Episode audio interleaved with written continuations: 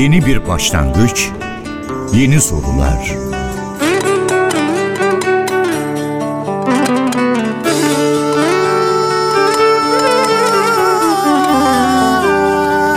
Yeni bir yolculuk, sıra dışı keşifler.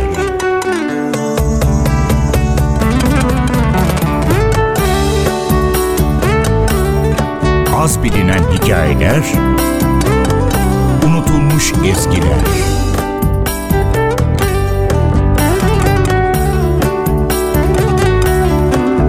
Kadim sesler, uzak coğrafyalar.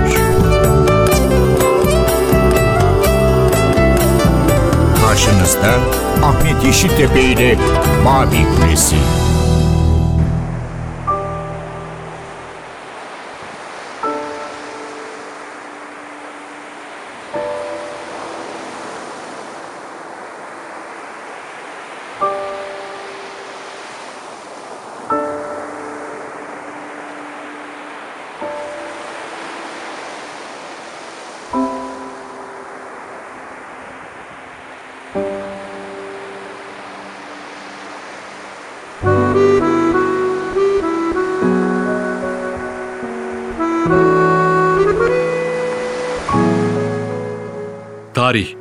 Bildiğimiz, okuduğumuz, anladığımız ve anlattığımız gibi değil. Her eline kalemi alıp kafasına göre olayları sadece kendi bakış açısıyla yazıp aktardığı gibi de değil, hatta hiç değil. Keza tarih biliminin belirli ve anlamlı metotlara uygun şekilde özellikle objektif yazımıyla ilgili kuralların ortaya konuluşu da çok eski değil.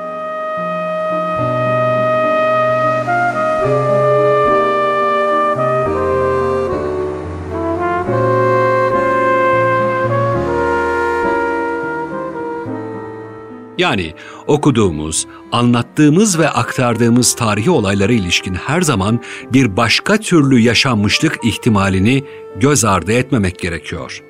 En popüler tanıma göre tarih, insan topluluklarının bütün faaliyetlerini, geçirdikleri gelişmeleri ve aralarında geçen olayları yer ve zaman göstererek, sebep-sonuç ilişkisi içinde belgelere dayanmak suretiyle araştıran ve günümüze nakleden sosyal bilimdir diyebiliriz. Ancak sözü edilen olayların ne derece doğru ve tarafsız bir gözle anlatılıp aktarıldığı başlı başına bir araştırma alanı, inceleme konusu ve kimilerine göre uzmanlık gerektiren bir disiplindir. Babil Kulesi'nde bu bölümde farklı kaynaklardan derlediğimiz epey renkli ve hatta eğlenceli de olarak kabul edilebilecek bir alana giriyoruz. Tarih aktarımındaki yanılsamalara, eksiklere, az bilinen ya da unutulmuşlara, belki de üstü örtülmüşlere ama en çok eğer olayların akış yönü bu olmasaydı dedirten tarihin cilvelerine. Bunlar arasından bir seçki yaparak adına tarihin cilveleri diyebileceğimiz dosyayı yine müziğin eşlikçiliğinde, yine onun etki gücünden yararlanarak sizlere aktarmak istiyoruz. Çünkü bu aslında Babil Kulesi'nin yolu tarzı. Haydi başlayalım.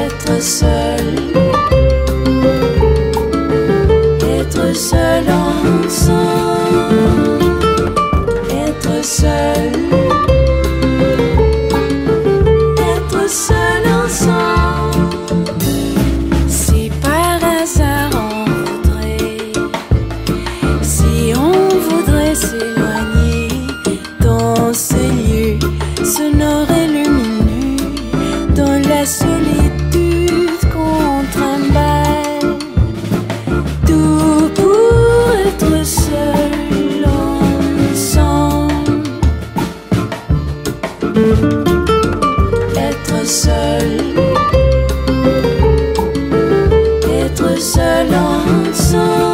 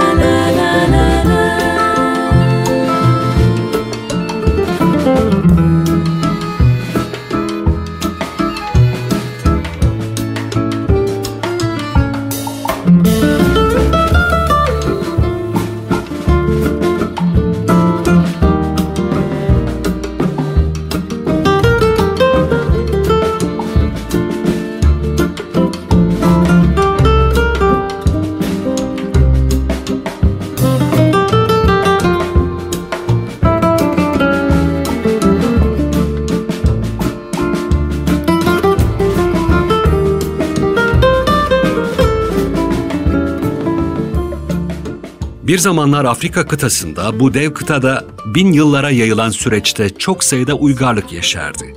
Batılı tarih yazıcıları hep Avrupa tarihini referans aldıkları için Afrika uygarlıklarını, krallıkları, imparatorlukları, aralarındaki ilişkileri, serüvenleri, savaşları ya da kaynaşmaları çok az biliyoruz. Son dönemde Fransa'nın Batı Afrika ülkelerinden Benin'e geri verdiği 26 adet tarihi eser ve obje olmasa bu konu pek de fazla gündeme gelmezdi. O eser ve objeler aslında Afrika'nın en görkemli, en uzun süre yaşamış uygarlıklarından birinin bakiyesi, ondan geriye kalan kültür mirasının kalıntılarıydı. Biz ise şimdi Doğu Afrika'daki Zimbabwe'ye gidiyoruz.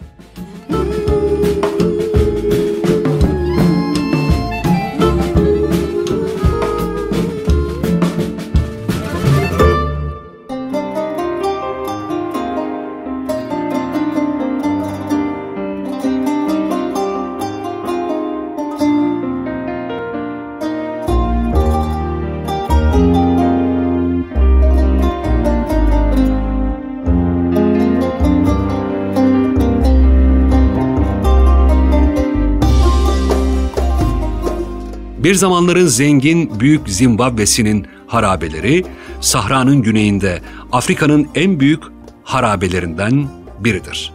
19. yüzyılda harabeleri keşfeden Avrupalılar, Afrikalı vahşilerin bunu inşa etmiş olabileceğine inanamadılar. Burada vahşileri tabii ki tırnak içinde aktarıyoruz size. Peki ya kim inşa etmişti bu muhteşem yapıları? Tabii ki bugünkü ifadesiyle harabe ya da kalıntıları. Büyük Zimbabwe harabeleri Orta Afrika'da bugünkü Zimbabwe'deki Limpopo nehrinin yakınında. Harabeler o kadar etkileyicidir ki Rodezya bağımsızlığını kazandığında ülkeye bu harabelerin ismini vermişler. Çünkü artık işin sırrı yani bu muazzam yapıyı kimin inşa ettiği o dönemde çözülmüş. Yüzyıl boyunca birçok kişi araştırma ve kazılarla arkeolojik kanıtların bir kısmını aslında yok ederken Avrupalılar için kesin olan tek bir şey vardı. Bu dikkat çekici başarı kendi terimleriyle tırnak içinde basit Afrikalı vahşilerin işi olamazdı. Bu devasa binalar Sahra'nın güneyindeki en büyük yapılardı. Büyük sur bir uçtan bir uca 100 metreden fazla ve çevresi neredeyse 300 metre civarında. Duvarlar yaklaşık 12 metre yüksekliğinde ve 6,5 metre kalınlığında. Surlarla çevrili alanda 11 metre yüksekliğinde ve içinde boşluk olmayan 6,5 metre genişliğinde ve ne amaçla kullanıldığı hala bilinmeyen bir kule bulunuyor. Büyük surun etrafında taş kompleksler var. İnşası için 1 milyondan fazla granit blok harç kullanılmadan birleştirilmiş.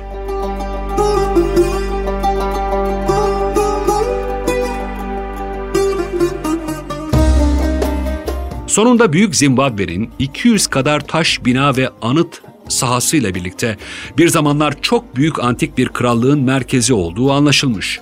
Ülke yaklaşık olarak Fransa büyüklüğünde. Tahminler nüfusun 20 bin civarında olduğu şeklinde. Yakınında nehirler olmasına rağmen şehir su kıyısına inşa edilmemiş. Afrika iklimi düşünüldüğünde bu büyük bir eziyet aslında. Ama oldukça iyi nedenleri var. Şehri zengin altın ve bakır madenlerinin hemen üzerinde inşa etmişler. Bölge inanılmaz zengin. Büyük bir ticari gücün kanıtı olarak burada Afrika'nın doğu kıyısı üzerinden Çin ve Hindistan'dan gelmiş kalıtlar da bulundu. Peki kim yaptı burayı? Garip ve müthiş teoriler var. Bu masalsı yer Kral Süleyman'ın madenleri olabilir miydi? Fenikeliler şimdi Süveyş kanalı olan yerden Doğu Afrika kıyılarına gelmiş olabilirler miydi? Onların inşaat becerileri ve ticari yetenekleri olduğu kesindi. Peki ya Araplar? Yüzyıllardır doğu kıyısında ticaret şehirleri kuruyorlardı. İç kısımlara da yayılmış olabilirler miydi? Peki ya Etiyopya'nın masalsı beyaz hükümdarı şu vaiz Yohanna? Büyük Zimbabwe'nin yapılışı aslında milattan sonra 1100'lere dayanıyor. Bu durumda Kral Süleyman ve Fenikelileri elememiz gerekiyor. Vaiz Yohanna'nın gerçekte yaşadığı hiçbir zaman ispat edilemedi ve duvarların Arap yapısı olmadığı da belli. Sherlock Holmes'un gözde deyişiyle bir kez imkansızları eleyince geriye ne kalır? İhtimal dışı gibi görünse de cevap yani şimdi şu tırnak içinde vahşi Afrikalılar olabilir mi? Şu anda bu bölgedeki en büyük kabile Shona kabilesi.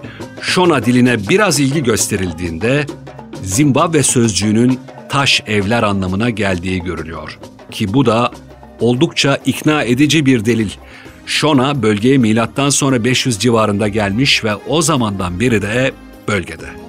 İlk Avrupalılar böylesi bir ihtimali algılayamadılar. Afrikalı olmayan esas kalıntılara ulaşmak ve tabii ki o altın ve bakırın bir kısmını ele geçirmek için etrafını oyup durdular. Böylece ortada olan birçok arkeolojik kanıtı da yok ettiler. Büyük Zimbabwe ve etrafındaki bölge Shona tarafından inşa edilmiş ve geliştirilmişti. Büyük olasılıkla milattan sonra 1500 civarında zenginliklerinin doruğuna ulaşmışlardı. Bundan sonra altın ve bakır kaynaklarının azalmasıyla Araplarla ticaret azaldı ve sonunda tamamen bitti. 19. yüzyıla kadar bu hikaye kayıptı ama şimdi en azından kısmen biliniyor. Rodezyalılar bağımsızlıklarını kazandıklarında ülkelerine halklarının geçmişteki ihtişamını yansıtan Zimbabwe adını koymaktan gurur duydular. Özetle bu hikayede tarihin değil aslında ziyadesiyle tarih yazarlarının cilvesi var.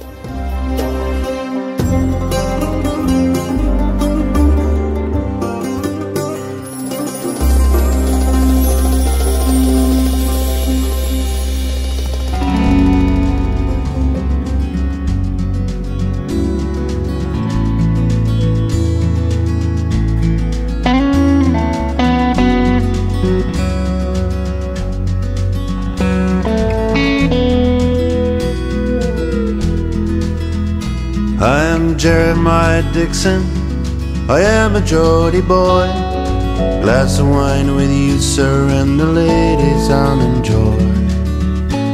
Old Durham and Northumberland is measured up by my own hand. It was my fate from birth to make my mark upon the earth. He calls me Charlie Mason, a stargazer am I. It seems that I was born to chart the evening sky. They'd cut me out for baking bread, but I had other dreams instead. This baker's boy from the West Country would join the Royal Society. We are sailing to Philadelphia, a world away from the coldy tide. Sailing to Philadelphia to draw the line, the Mason Dixon line.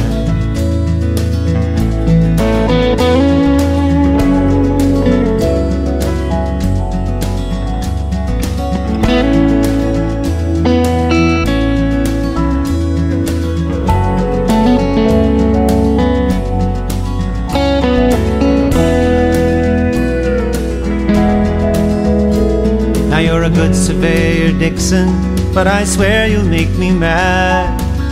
The West will kill us both, you gullible Geordie lad. You talk of liberty, how can America be free? A Geordie and a baker's boy in the forests of the Iroquois. Now hold your head up, Mason. See America lies there. The morning tide has raised the capes of Delaware. Come up and feel the sun. A new morning is begun. Another day will make it clear why your star should guide us here. Sailing to Philadelphia, a world away from the coldly tide. Sailing to Philadelphia to draw the line. The Mason Dixon line.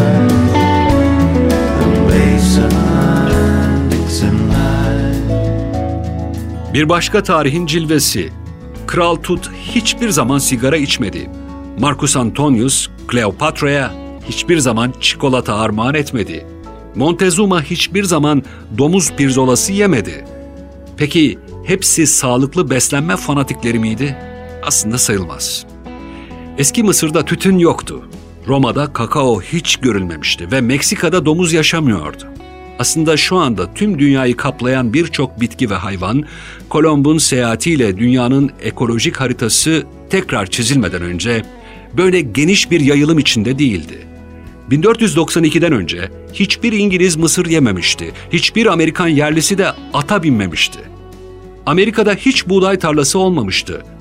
İtalyan büyük annenizin domates soslu makarnasını yapamazdınız çünkü İtalya'da kimse domates görmemişti. Tüm yaşantınız boyunca arayabilir ama Guatemala'da bir tane muz, Florida'da bir tane portakal veya Georgia'da Amerika Birleşik Devletleri'nin güney eyaletlerinden birisi olan Georgia'da bir tane şeftali bulamazdınız ki bugün işte bu bölgelerin hepsi birer sembolü. Londra'da balık ve patates kızartması ısmarlasanız size sadece balık getirirlerdi çünkü patates yoktu. Kolomb'un keşif seyahatleri Atlantik Okyanusu'nda trafik sıkışıklığına neden olarak dünyayı değiştirdi. Keşifler, İspanyol fatihler, misyonerler ve koloniciler eski ve yeni dünya arasında adeta mekik dokudular. Ana yurtlarından Amerika'ya bitki ve hayvan taşıyor ve bulduklarını da Amerika'dan Avrupa'ya götürüyorlardı. Atlantik'in iki yanında da mutfaklar ve çiftlikler sonsuza kadar değişmişti. Avrupalı koloniciler Amerika'ya geldiklerinde kendilerini evlerinde gibi hissetmek istediler. Bu yüzden evlerinden birçok şeyi beraberinde getirdiler. Atlarını getirmemiş olsalar yeni dünyayı fethedemezlerdi. Atlar Avrupalılara hız ve hareket avantajı sağladı. En son fethedilen yerlilerin Avrupalılar geldiğinde onların atlarına binmeye başlamış olan Kuzey Amerika'nın Plains Kızılderilileri olması tesadüf değil tabii ki. Avrupa'dan getirilmeden önce sığırlar, domuzlar, koyunlar ve eşeklerin hiçbiri Amerika'da yoktu. Yeni koloniciler kendi tohumlarını ve hayvanlarını da getirdiler. Buğday, yulaf ve arpa gibi diğer ufak tohumları bereketli ovalara taşıdılar. Muz, şeker kamışı, pirinç ve narenciye ürünlerini ise Amerika'nın tropik bölgelerine götürdüler. Amerikan sömürgeciliğinden önce Brezilya'da pek kahve yoktu, aslında hiç yoktu armut ve şeftali gibi meyveler Amerika'da bilinmiyordu ve olan tek elma tipi meyveler yabani elmalardı.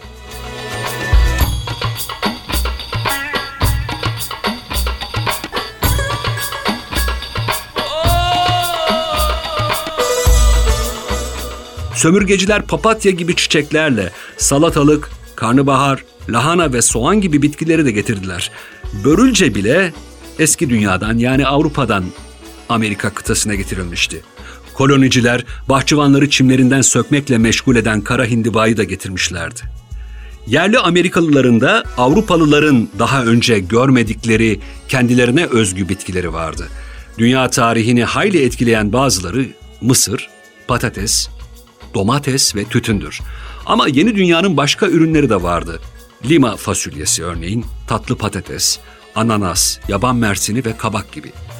Halloween Cadılar Bayramı İngiltere'de eskiden beri kutlanıyor ama kabak lambaları ancak Avrupalıların Amerika yerlilerinden bal kabağı almalarından sonra eklenmiş. Zinya, kadife çiçeği, yıldız çiçeği, ay çiçeği ve ponsetya çiçeği de Amerika kökenli çiçekler. Sıtmayı tedavi eden kininin elde edildiği kına kına ağacı kabuğu da Güney Amerika'dan gelmiş. Kinin hayat kurtarsa da birçok insan eski dünyanın yeniden aldığı en önemli hediyenin vanilya ve çikolatanın kaynağı olan kakao olduğunda ısrar edebilir. Vahşi savaşçılar ve insan kurban ediciler olarak tasvir edilen Aztekler özellikle vanilya ve çikolataya bayılıyorlardı. Aztekler şu eski tarihi gerçeği ilk ispatlayanlardır. Ne zaman eline şöyle güzel bir fincan kakao alıp oturmaya kalksan bir yere hemen bir takım istilacılar savaş atlarıyla karşınıza çıkar. Bir de tabii unutmamak lazım eski dünyanın Amerika kıtasına en acımasız, en sıkıntılı armağanı çiçek hastalığından vereme, çok sayıda bulaşıcı hastalığın mikrobu olmuştur.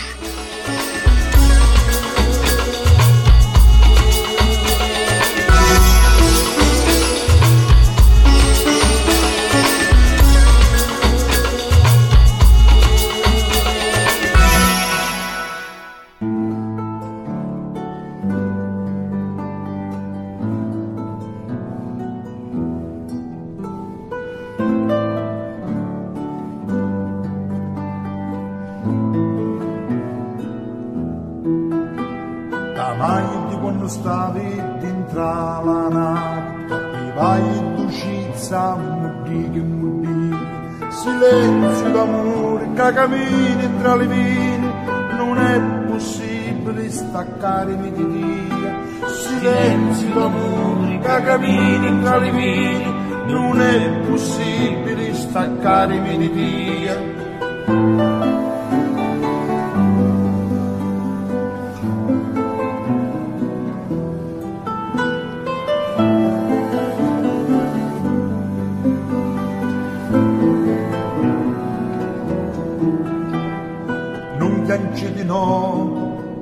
Alberi d'alivi, amori e beni vengono di lontano. Delizia amata mia, l'arma mia, dammi l'euforica di tugno la vita.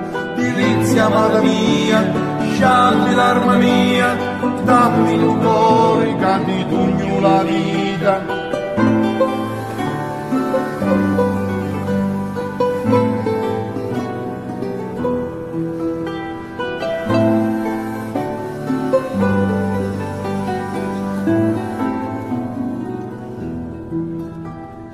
Vagante senza colore, tengo senso. Quando una mamma si scorda suo figlio, tanto mi scordo da malattia, ti voglio bene piccirita mia, tanto mi scordo da malattia, ti voglio bene piccirita mia.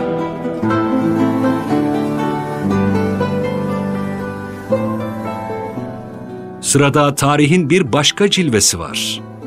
Elimizdeki kitapların sayfaları, dünya çapındaki milyarlarca basılı sayfa gibi varlığını aslında önemsiz bir Alman iş adamının iflasına borçlu. Evet, başlayalım. Johann Gutenberg. 1448'de kuzeninden 150 gulden borç almış ve Almanya Mainz'da dünyanın ilk kitap basım işine girişmiş. Bu fikrin ne kadar çabuk yayılacağı konusunda en ufak bir fikri yokmuş. 1500'den sonra yani 50 yıl sonra Avrupa'da binden fazla matbaa açılmış ve milyonlarca kitap basılmış. Bu arada Gutenberg'in matbaası günde 300 kitaptan fazla baskı yapamadığı için 1458'de iflas etmiş. Gutenberg hiçbir zaman büyük çaplı baskı yapmayı ve pazarı çok satan kitaplarla doldurmayı planlamamıştı. Sadece zengin müşterileri için İncil'in ve diğer kutsal kitapların pahalı, el yazması kopyalarıyla rekabet edebilecek bir yol bulmak istemişti. Bu iş geleneksel olarak koyun derisinden parşömenlerle yapılan yavaş ve pahalı bir süreçti. Gutenberg'in fikri mekanik bir yöntemle daha ucuz bir alternatif yaratmaktı. Gutenberg'in zamanında baskı sınırlı boyutta Çin icadı tahta bloklarla yapılıyordu. Avrupa'da tahta bloklar kumaş üzerine baskıda, resimlerde ve ardından kitap sayfalarında kullanıldı. Bu işlem her sayfayı bir blok üzerine kazıyarak yapılıyordu ve tersten yapılmak durumundaydı. Tahta blok baskı zor, uzun zaman alan bir yöntemdi, baskı kalitesi de hayli düşüktü. Karlı bir iş değildi. Bu yüzden Gutenberg hareketli metal kullanarak kendi baskı teknolojisini üretti. Gutenberg standart boyut ve biçim getirerek harf üretiminde yeni bir yöntem bulmuştu. Her sayfayı tek bir bloğa kazımak yerine harfler için sert metal ıstampalar yapmıştı. Stampalar yumuşak bakır kalıpların yapımında kullanılıyordu. Daha sonra eriyik haldeki kurşun kalıplara dökülüyor ve kurşun baskı harfleri yapılıyordu. Kurşun harfler farklı çekmecelerde saklanıyor, sonra da sayfayı oluşturmak için tahta formların içine diziliyordu. Bu formlar defalarca kullanılabiliyor ve iş bittikten sonra sökülebiliyordu. Bu suretle harfler tekrar tekrar kullanılabiliyordu.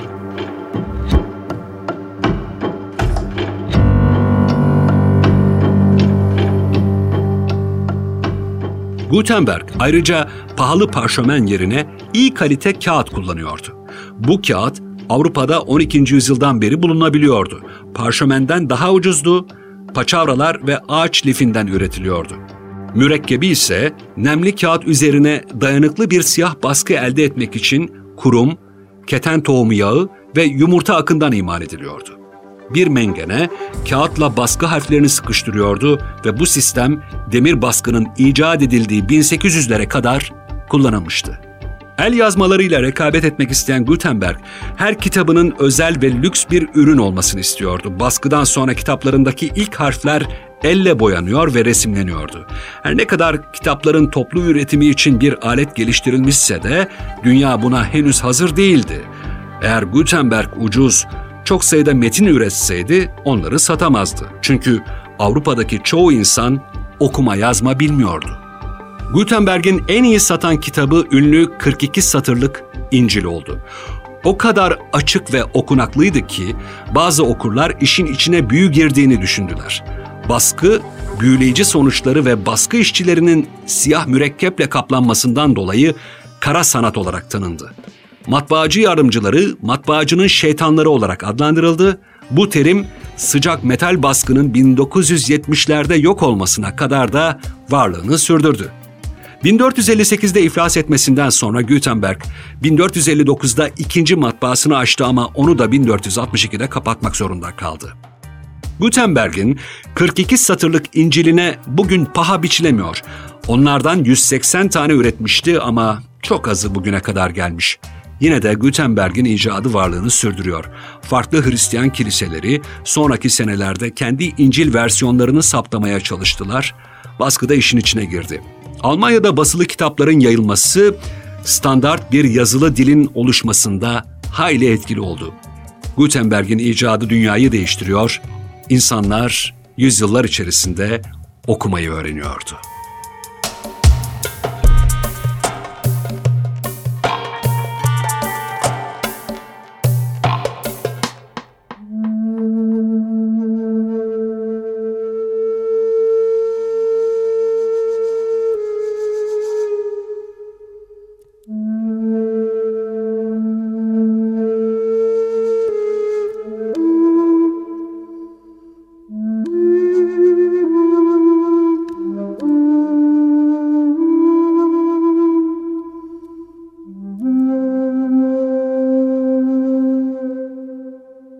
Hadi bir başka evrene, tarihin bir başka cilvesine bakalım şimdi. Susam Sokağı'nı unutmanız gerekiyor önce. Şiirleri de boş verin. Bırak da annen acıyan yerini öpsünleri de unutun. Evet, bir zamanlar çocuklar yoktu. Çocukluk da yoktu. Evet, çocukluk çağı vardı tabii. Bizim çocuk dediklerimize benzeyen kısa boylu insanlar vardı ama 5 yaşına geldiklerinde büyükler gibi davranmaları bekleniyordu. Çocuk biraz büyüyünce hemen çiftlikte, fırında veya nalbant dükkanı gibi bir aile işinde çıraklığa başlardı. Roma Katolik Kilisesi'nin akıl çağı olarak belirlediği 7 yaşından itibaren çocuklar erişkinliğe ulaşmış sayılıyorlardı. Sosyologlar 20. yüzyıldan önce herhangi bir dönemdeki tipik bir 10 yaş çocuğunun bugünün 25 yaşındaki insanlarından daha olgun ve bağımsız olduğu konusunda hemfikirler. Çocukluk kavramı ve onunla ilişkilendirilen koruma ve masumiyet 15. ve 16. yüzyıla kadar yoktu. Ondan sonra da sadece ayrıcalıklı sınıflar için söz konusu oldu. Bu fikrin toplumun geri kalanınca kabul görmesi yüzyıllar sürdü. Sanayi devrimi başladığında kent sokaklarında gazete satarak ve ayakkabı boyayarak çalışanlar dışındaki çocuklar fabrikalarda iş buldular. Çiftçi çocukları ise imalathanelerde ve madenlerde işe girdiler. Hepsi de yetişkinlerle aynı berbat ve tehlikeli şartlarda çalışıyorlardı. Charles Dickens'ın kendi hikayelerine ilham bulmak için çok uzağa gitmesi gerekmiyordu. İngiltere'de ailelerinin destekleyemediği ya da ailesi olmayan çocuklara yoksul çocuklar deniyordu. Hükümetin onların çıraklık ve ticaret öğrenmesini ve bakılmalarını sağlaması gerekiyordu ama binlercesi imalathane sahiplerine verilmişlerdi. Durumlarını takip edense hemen kimse yoktu. Hatta bazı aileler çocuklarını birkaç yıllığına imalathane sahiplerine satıyorlardı. Şanslı olanlar evde kaldılar ama yine de aile bütçesine katkıda bulunmak için uzun saatler çalıştılar. 1802'de İngiltere ilk çocuk işçi yasasını kabul etti ama yasa sadece çıraklar için geçerliydi ve hiçbir yaptırımı yoktu. Bundan sonraki 76 yılda bir dizi fabrika yasası çıktı ve kontrol yavaş yavaş arttı. Çalışma saatleri azaldı ve çalışanların asgari yaşı yükseltildi.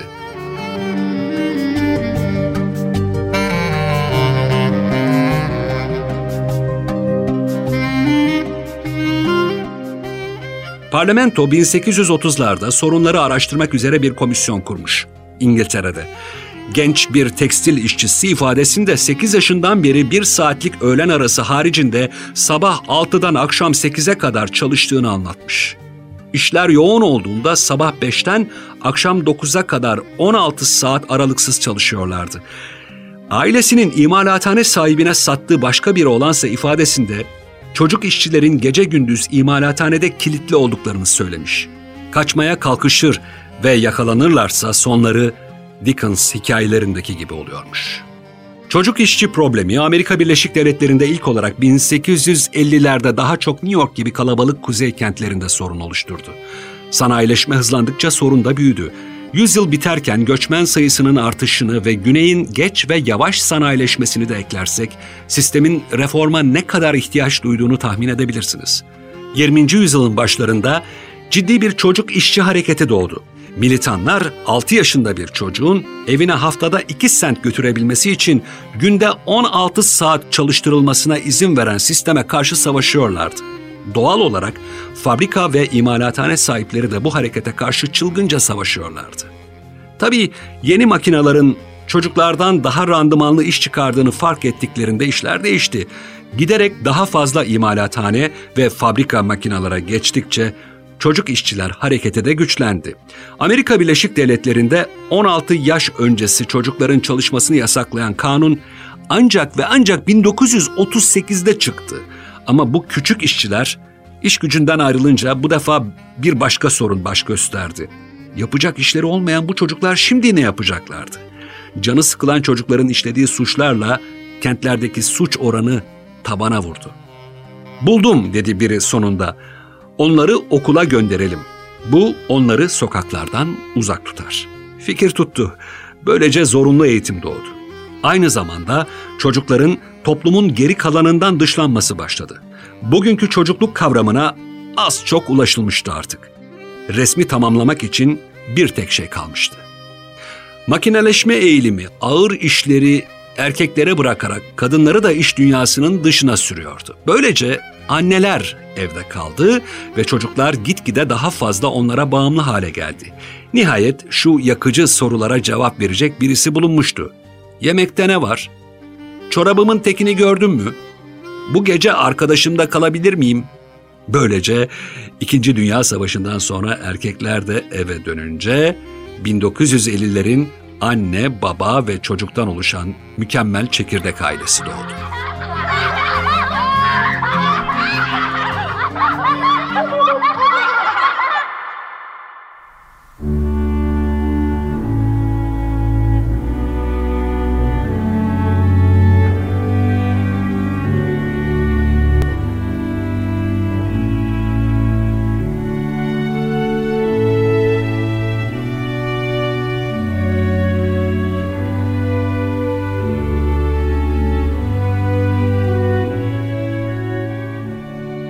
Tarihin cilveleri başlığını verdiğimiz bu bölümde özellikle tıp alanında çok çarpıcı bir hikayeyi sizlerle paylaşmak istiyoruz. Milattan önce 5. yüzyılda çoğu insan hastalıkların şeytani ruhların işi olduğuna inanıyor ve şikayetlerini yerel şifacılara bildiriyorlardı. Bu yüzden Hipokrat, Yunan adası Kosta ki bugün Türkçe'de İstanköy olarak biliniyor, işte bu adada tabelasını astığında önceleri pek iş çıkmadı ama sebat etti ve bir süre sonra hastaları gelmeye başladı. Hatta parlak fikirlerini geleceğin Yunan doktorlarına öğrettiği bir de tıp okulu açtı. En büyük katkısı hastalarını bilimsel kanıtlara dayanarak tedavi etmesidir. Hipokrat'ın haklı olduğu konulara bakalım şimdi de. Bazı inanış ve keşifleri şöyledir. Hastalıktan korunmak için çalışmak, yemek, içmek, idman yapmak, uyumak gibi hiçbir şeyde aşırıya kaçmamanın önemi. Bedeni temizlemek için oruç tutmak ve diyet yapmak. Sağlıklı kalmak için ılık banyo ve masaj. Temiz hava ve sağlıklı beslenmenin önemi. Fazlasıyla kilolu olmanın tehlikesi. Sağlıklı bir kadının menstruasyonu kesilir ve midesi bulanırsa hamile oldu. İşte bunlar Hipokrat'ın inanışları ve keşifleriydi. Diğer çarpıcı keşiflerini de şöyle sıralamak lazım. Kulağını hastanın göğsüne koyup ciğerleri dinlemek. Kırıkları aynı hizaya getirerek düzeltmek. Çıkıkları yerine geri takmak. Enfeksiyonlardan carahati akıtmak.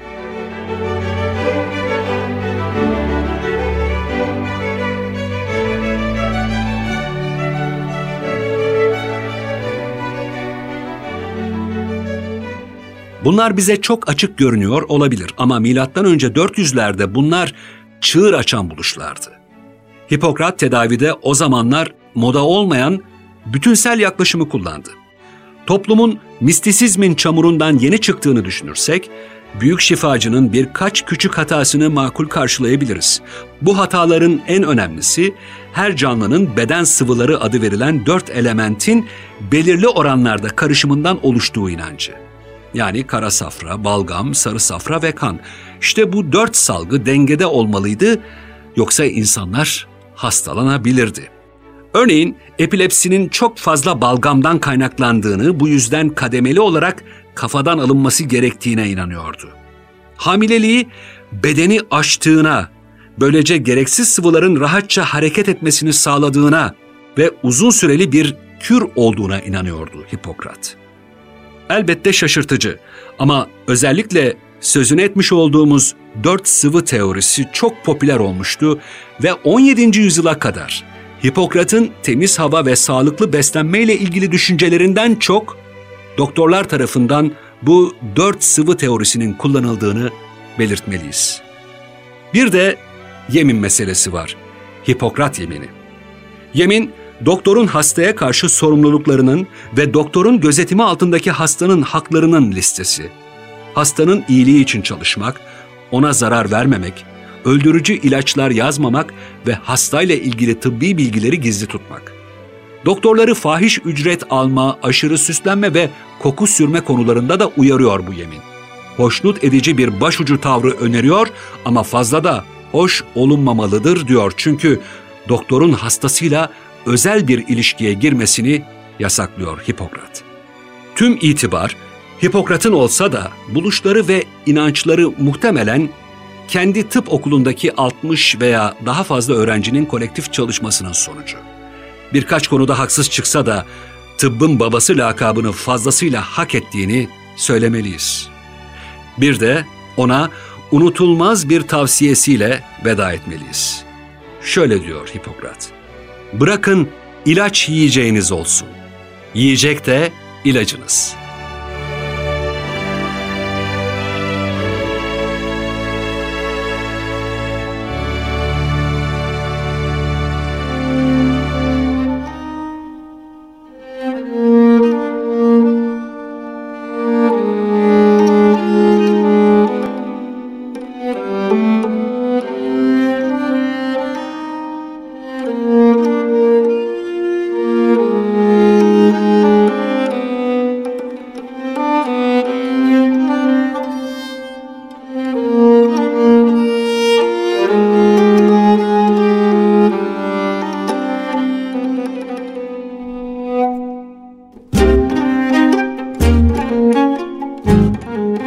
Tarihin cilveleri anlatmakla bitmez.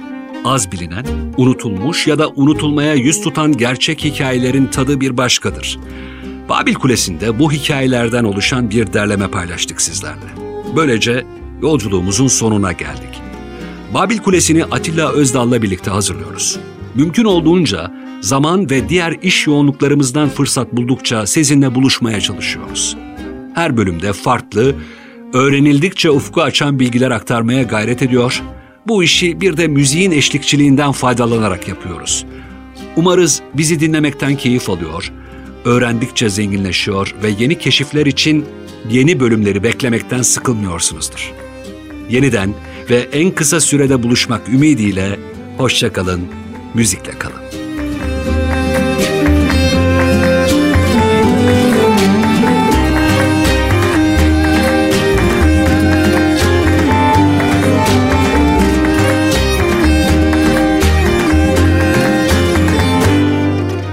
Babil Kulesi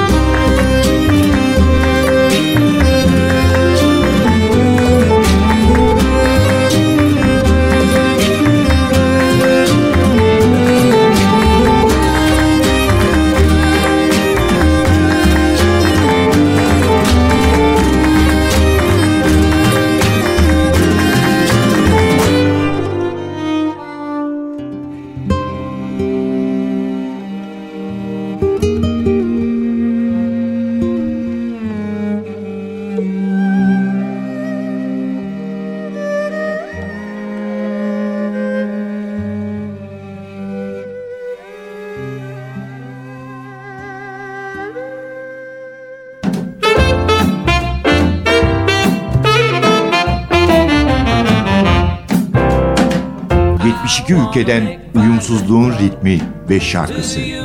Babil Kulesi. Rengarenk bir ses tayfı. Babil Kulesi. Ahmet Yeşiltepe ile NTV Radyo'da.